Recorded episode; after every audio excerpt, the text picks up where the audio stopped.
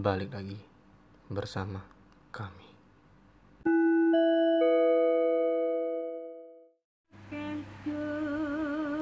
Malam horor bersama kami berempat.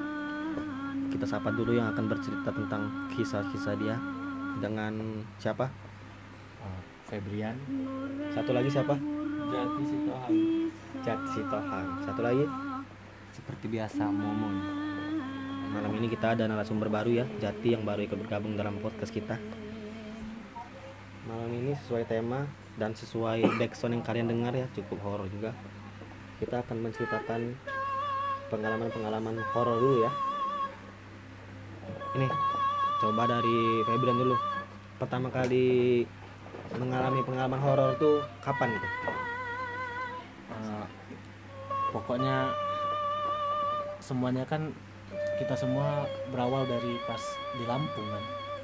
Sejak kita mainin enggak enggak gini maksud gua tuh pertama kali ada pengalaman horor itu kapan gitu pertama kali pengalaman horor yang nyata ya pas kita di Lampung lah tahun 2014 hmm. waktu di pantai kita mainin apa menyan itu ya untuk Oh. persembahan itu. Berarti itu pertama kali horor ya? Pertama kali. Kalau kalian dengar podcast kami yang kemarin sebelumnya itu udah pernah diceritakan juga itu awal mula pengalaman horor tuh dan juga dia juga ya awal mulanya yang membuat pengalaman horor itu ada. Coba kalau dari Mas Ari ini yang bener-bener ada keturunan Jawa itu ya. Awal mula pengalaman horor itu kapan? Awal mula pengalaman horor. Ntar ya mikir dulu bro sebenarnya sama sih di Lampung kalau yang nyata. Ya bener-bener kayak apa? Real real gitu. real bener-bener bukan perasaan gitu kan Ah. bukan bukan suges. Oh enggak di Dempo di eh. Dempo dulu atau Lampung dulu? Lampung Lampung. Lampung iya di Lampung dulu berarti. Ya kan? Berarti kesimpulannya tetap awal mulanya kita diikutin kayak gitu pas di Lampung. Iya ya Kes- ini teman kita satu nih. Ini ada narasumber kita ya satu Jati nih. Agak saksi- malu-malu saksi, nih. termasuk saksi juga. Ini salah satu saksi saksi juga sih cuman dia cukup malu-malu nih. Coba kalau Jati awal Perkenalkan mula dulu diri jati udah diperkenalkan kemarin ya iya mungkin dia mau kenalan dulu Ya, kalau mau kenalan dulu silakan Jati mau kenalan. Jati silakan Hai gitu. Hai hai. Hai kok serak bersama saya Jati di sini. Kalau Jati awal mula pengalaman horor itu kapan ya? Awal pertama kali dapat pengalaman horor. Hah? Waktu itu pernah terjadi di Gunung Dempo. Jati ini urat gelinya kena Jati ini humoris humoris dia. humoris dari hantu yang takut dengan dia Iya, orang lagi horor dia keta- ketawa gitu. Jadi agak lucu gitu kan. jati ini dia belum meninggal aja udah serem Jadi awal mula yang di terus. yang di eh, Lampung itu udah pernah kita ceritakan ya. Mungkin kita nanti langsung masuk ke pengalaman horor. Nah gini aja, yang sering misalkan ini lu Febrian nih, yang pengalaman horor yang hari-hari lu dapet itu apa biasanya? Eh, biasa sih kayak ada bayangan gitu sekejap kayak kelambatan bay- apa ya bayangan dan paling sering itu didatangi lewat mimpi Kayak mimpi ya. mimpi dan kayak semacam ketindihan kata orang itu Oh, ketindihan itu paling sering ya. Berarti. paling sering sekali itu Kalau saya pribadi sih belum pernah gitu dinampakin langsung gitu penampangan-penampangan seperti itu kan. Kalau gangguan-gangguan ya sekali dan pertama kali itu cuman pas di Lampung kemarin itu. Kalau Momon kalau saya kalau diliatin belum pernah ya Hmm. kalau ketemu gitu belum pernah kalau sekilas bayangan-bayangan tuh sudah kan sama lu waktu itu yang di Dempo tuh Oh iya iya iya. yang iya, Dempo iya, aku iya, mundur iya, tuh Iya iya. pos Pocong, gantian ya nggak tahu apa itulah Eh jangan jangan jangan pocong. Tunggu. inilah pisang pisang. pisang pisang Sensor lah Iya. ini Kalau- apa pepes pepes Pepes. pepes itu iya itu sih Kalau Jati pengalaman horor pertama itu apa? Apa ya? Atau pengalaman- melihat mantan nikah itu jadi iya horor itu Kalau pengalaman saya sih bersama kalian semua.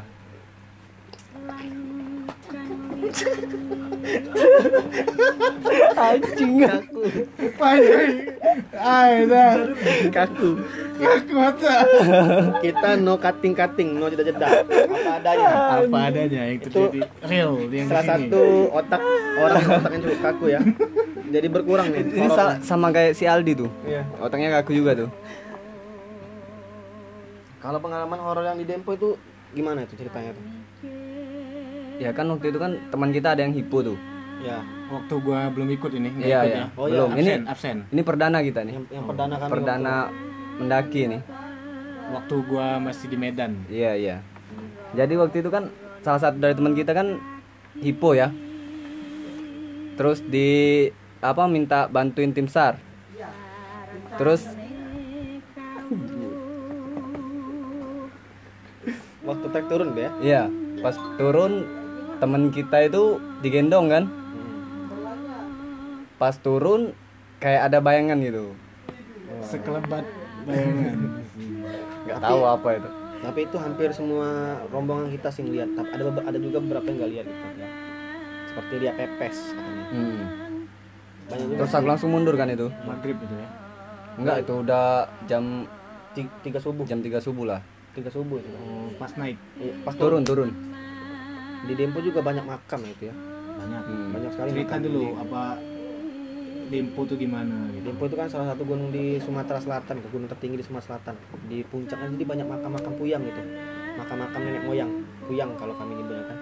Mana juga ada salah satu air terjun, eh bukan air terjun, mata air Pemajan Putri itu masuk ke dalam tuh. Oh itu gelap itu. Itu gelap, di atasnya juga ada makam, makam, nah makam siapa puyang mana. Itu sih ho- cukup horor juga sih Dempo. Mana hutannya hutan Sumatera kan, trek hutan Sumatera tahu sendiri lah. Jadi kemarin tuh teman-teman juga sempat ngeliat Ada yang kayak entah- bertapa ya, itu. entah itu halusinasi atau memang Mungkin terlalu capek dari kan. mereka gitu kan halusinasi atau eksistensi dari mereka terlihat seperti itu ada yang bertapa ada pepes cuma kalau dari saya pribadi saya nggak ngeliat gitu kan Hmm. kalau dari mereka beberapa ngeliat Tapi intinya tuh kalau misalkan yang melihat itu satu mungkin itu halusinasi tapi ini beberapa yang melihat tuh banyak yang melihat seperti itu susah juga jelasin itu kan kalau pas tempo dan juga memang Dempo itu terkenal ya tempat jin buang anak lah bisa dibilang. Iya. Ya dalam posisi kita yang letih, kelelahan kan sangat mudah itu didekatin. Terus saya pernah dengar juga semakin kita capek itu semakin mudah mereka tuh mengganggu kan. Iya, kele- kelelahan.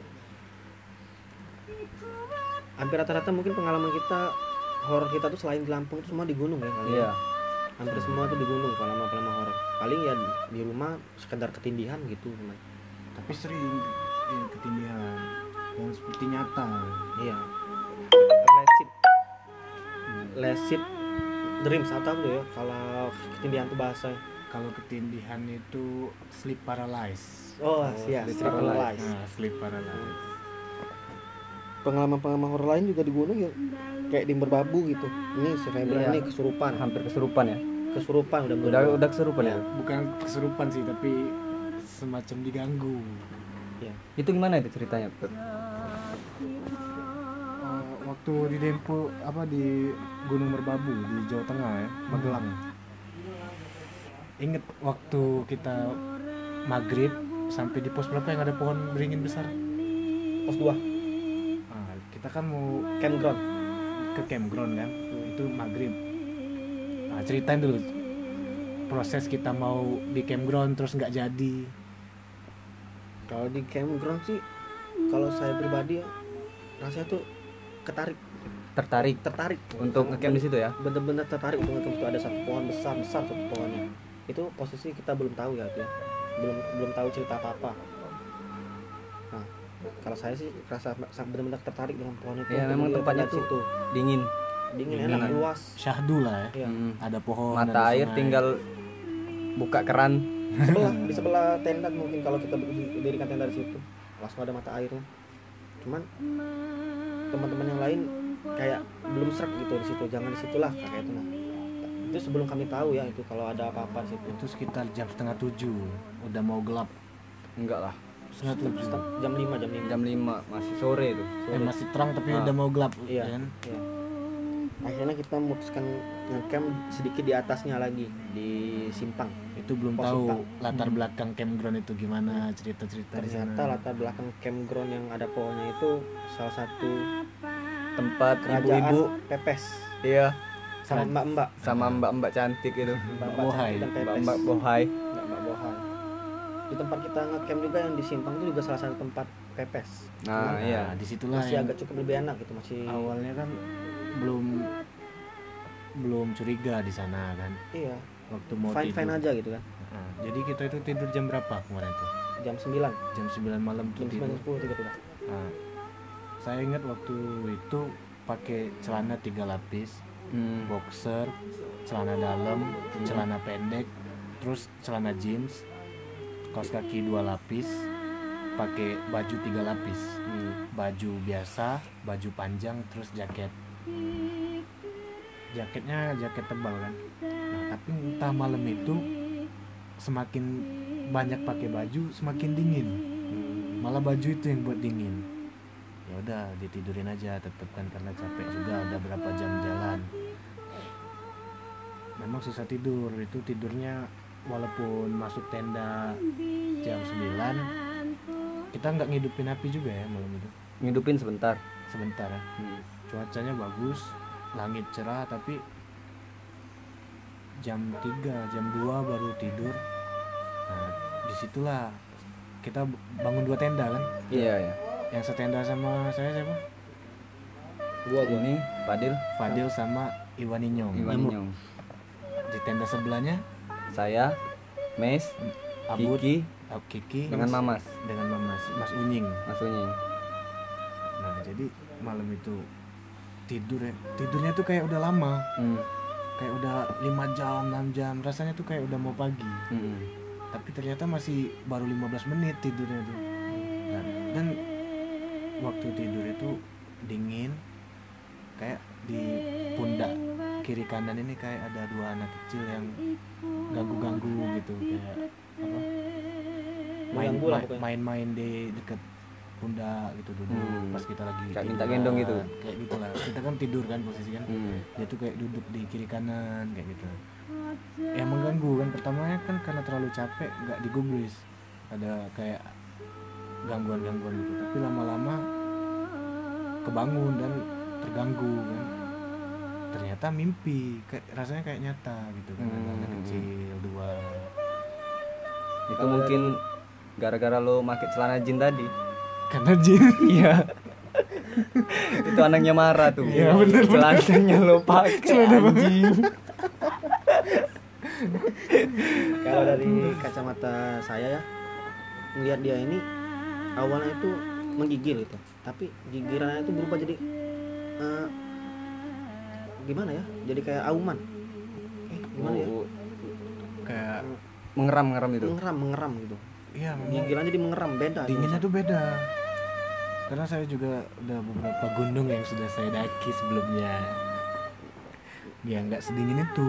Iya iya. Beda mungkin ya. Pokoknya gigiran tuh beda beda dari gigiran lain. Dan seperti keram gunung di Jawa itu suasananya memang beda. K- kalau menurut saya ya, gunung di Sumatera itu memang rimba.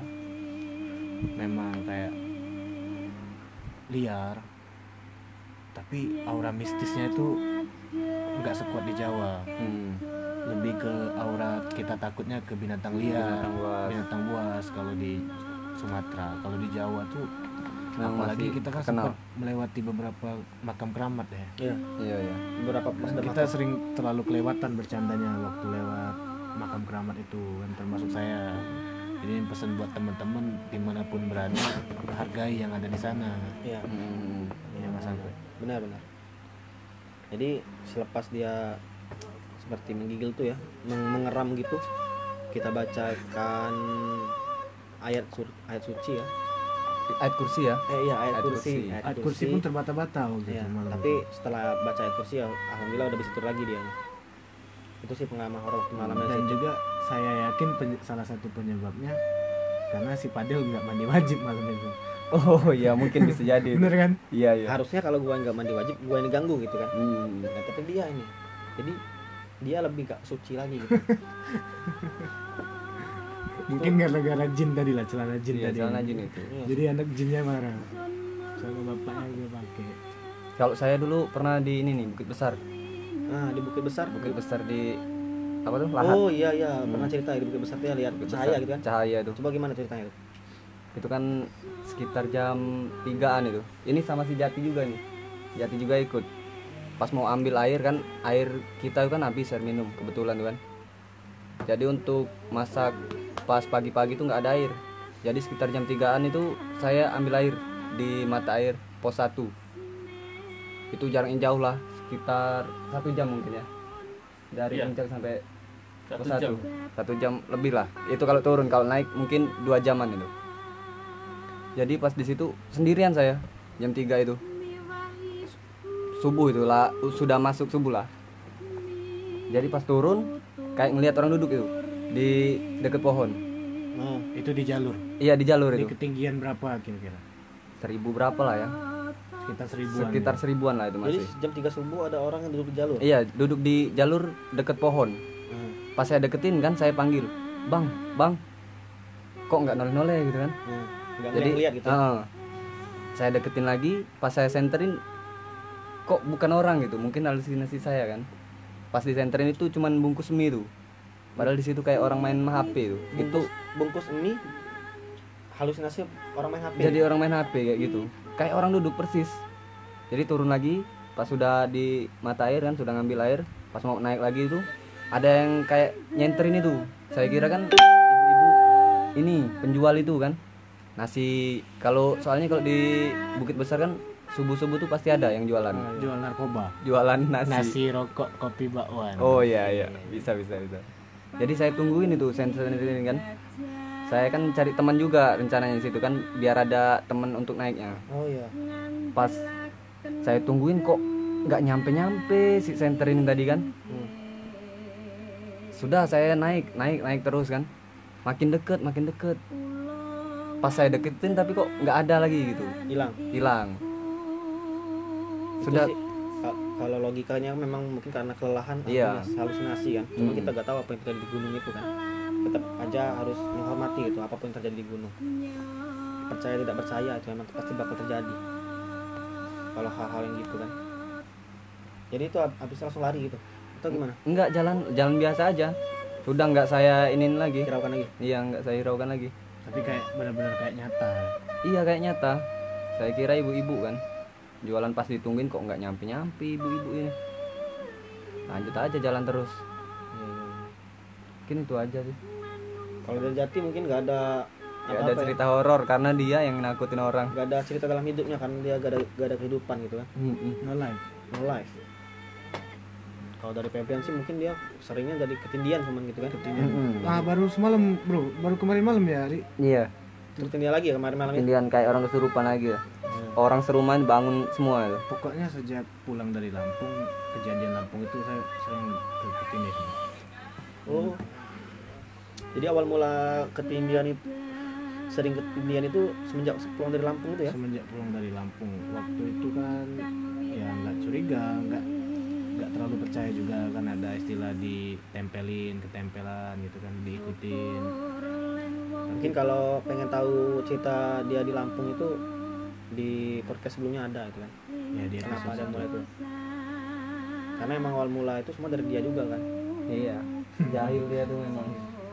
Ketindian itu hal yang wajar cuma kalau tiap hari itu cukup mengganggu karena kebangun terus akhirnya kan ya dan juga biasanya kalau udah terlanjur ketindihan nggak bisa tidur lagi besoknya sampai besoknya sampai pagi susah tidur lagi Itu gimana sih rasanya kalau udah ketindian itu? Capek atau gimana? jadi kan Badan sakit. kita juga tetap uh, melihat dari sisi ilmiah kan yang lebih masuk akal. Hmm. yang namanya sleep paralysis karena kita tuh kecapean. Jadi sistem tubuh kita sama pikiran kita alam bawah sadar kita itu nggak sinkron. Hmm. itulah terjadi ketindihan atau sleep paralysis tapi ya kadang kalau dipikir-pikir sering terjadi juga pas kita nggak lagi capek kita lagi rileks aja ketindihan kita tidur cepet masih ketindihan begadang nah kayak gitu tuh mau nggak mau harus percaya kita Hmm. tentang hal mistis kan jadinya kan. Nah, rasanya tuh kayak sebenarnya nggak kalau aku ya kurang tepat dibilang ketindihan. Karena rasanya itu bukan kayak ditindih.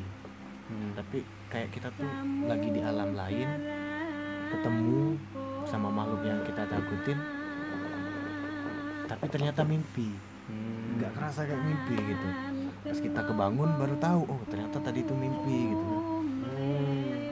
kadang itu juga bukan dalam bentuk makhluk halus kadang tuh kayak binatang buas gitu kayak semalam kan ular Iya. Oh, semalam ular jadi. semalam ular itulah karena mungkin nggak nggak tahu dari mana asal mula bisa Itu ularnya gigit kamu atau enggak itu?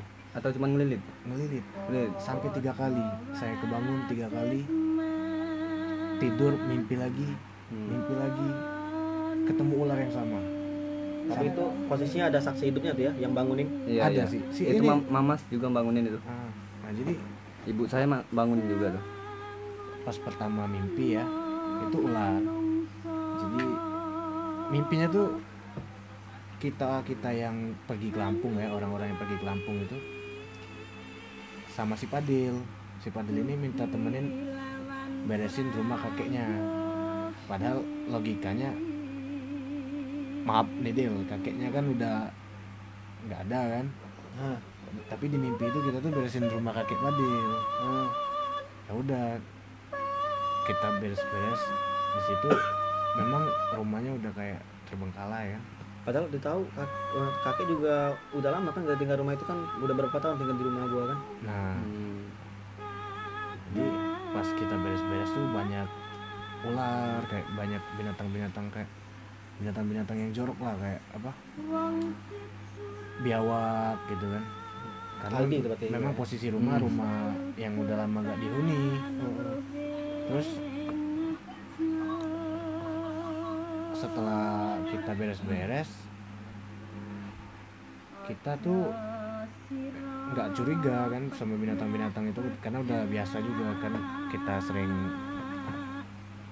ke gunung Hmm. gitu kan Iya sih benar juga. tahu-tahu muncul ular itu ya langsung kaget aja dan kebangun ternyata mimpi kan Hmm. langsung ah mimpi tidur lagi langsung ularnya tuh keluar lagi pas kita tidur tuh kayak selang. Rasanya tuh kayak baru beberapa detik kita mejem mejemin mata kan. Tapi langsung keluar lagi. Udah capek ya udah tidur lagi maksain tidur lagi. Bisa tidur lagi sih. Tapi yang ketiga itu bukan dalam bentuk ular. Hmm. dalam ada kayak orang tinggi besar kepalanya tuh ular tapi ada lima lima ular Oh, Ular kayak kobra. Hydra gitu ya. kayak makhluk-makhluk kayak gitulah tapi Mulai mubah ya dia. Mulai menampakkan eksistensinya. nah jadi dia tuh kayak tidur di belakang aku ya dia tuh kayak ngembus-ngembusin napas gitu Hmm. nah jadi di, di mimpi itu aku bilang Mon Ari jangan jangan dibiarin dia nih tidur di dekat kita gitu kan Hmm. karena pertama bau ganggu kan dan serem kan Hmm. ketakutan tapi aku udah nggak nggak bisa gerak gitu kan Oh. nggak bisa gerak Nah, terus dia tadi kayak mau apa ya kita kalau dibilang tuh kayak mau nyulik gitu loh Hmm. Nah, pas dia mau nyulik mau deket mau kayak ngebekep kayak gitu barulah mamas bangunin Oh, di situ gua udah nangis ya di dalam Iya, mimpi iya. kan Hmm. Dan rupanya mimpi nggak. Raung-raung.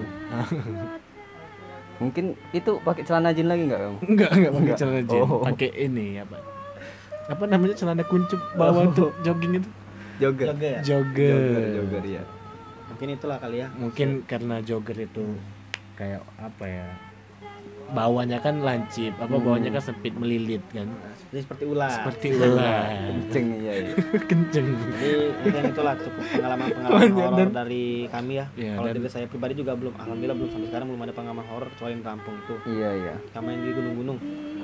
kalau untuk pribadi sendiri langsung ke diri pribadi itu belum ada alhamdulillah dan mungkin ini kedua kalinya para pendengar yang menyia-nyiakan waktunya untuk mendengar podcast ini. Mm-mm. Terima kasih. Terima kasih udah menyiapkan waktunya. Menyia-nyiakan kuota waktu di hari karantina dan jangan lupa jaga kesehatan. di Tetap- balik corona ini Ya, karena Tetap jangan panik. ini sangat menakutkan dan jangan dianggap main-main teman-teman. boleh takut tapi jangan panik tetap oke Stay Sam- safe. ya, sampai jumpa dari kami baik lagi di podcast berikutnya terima kasih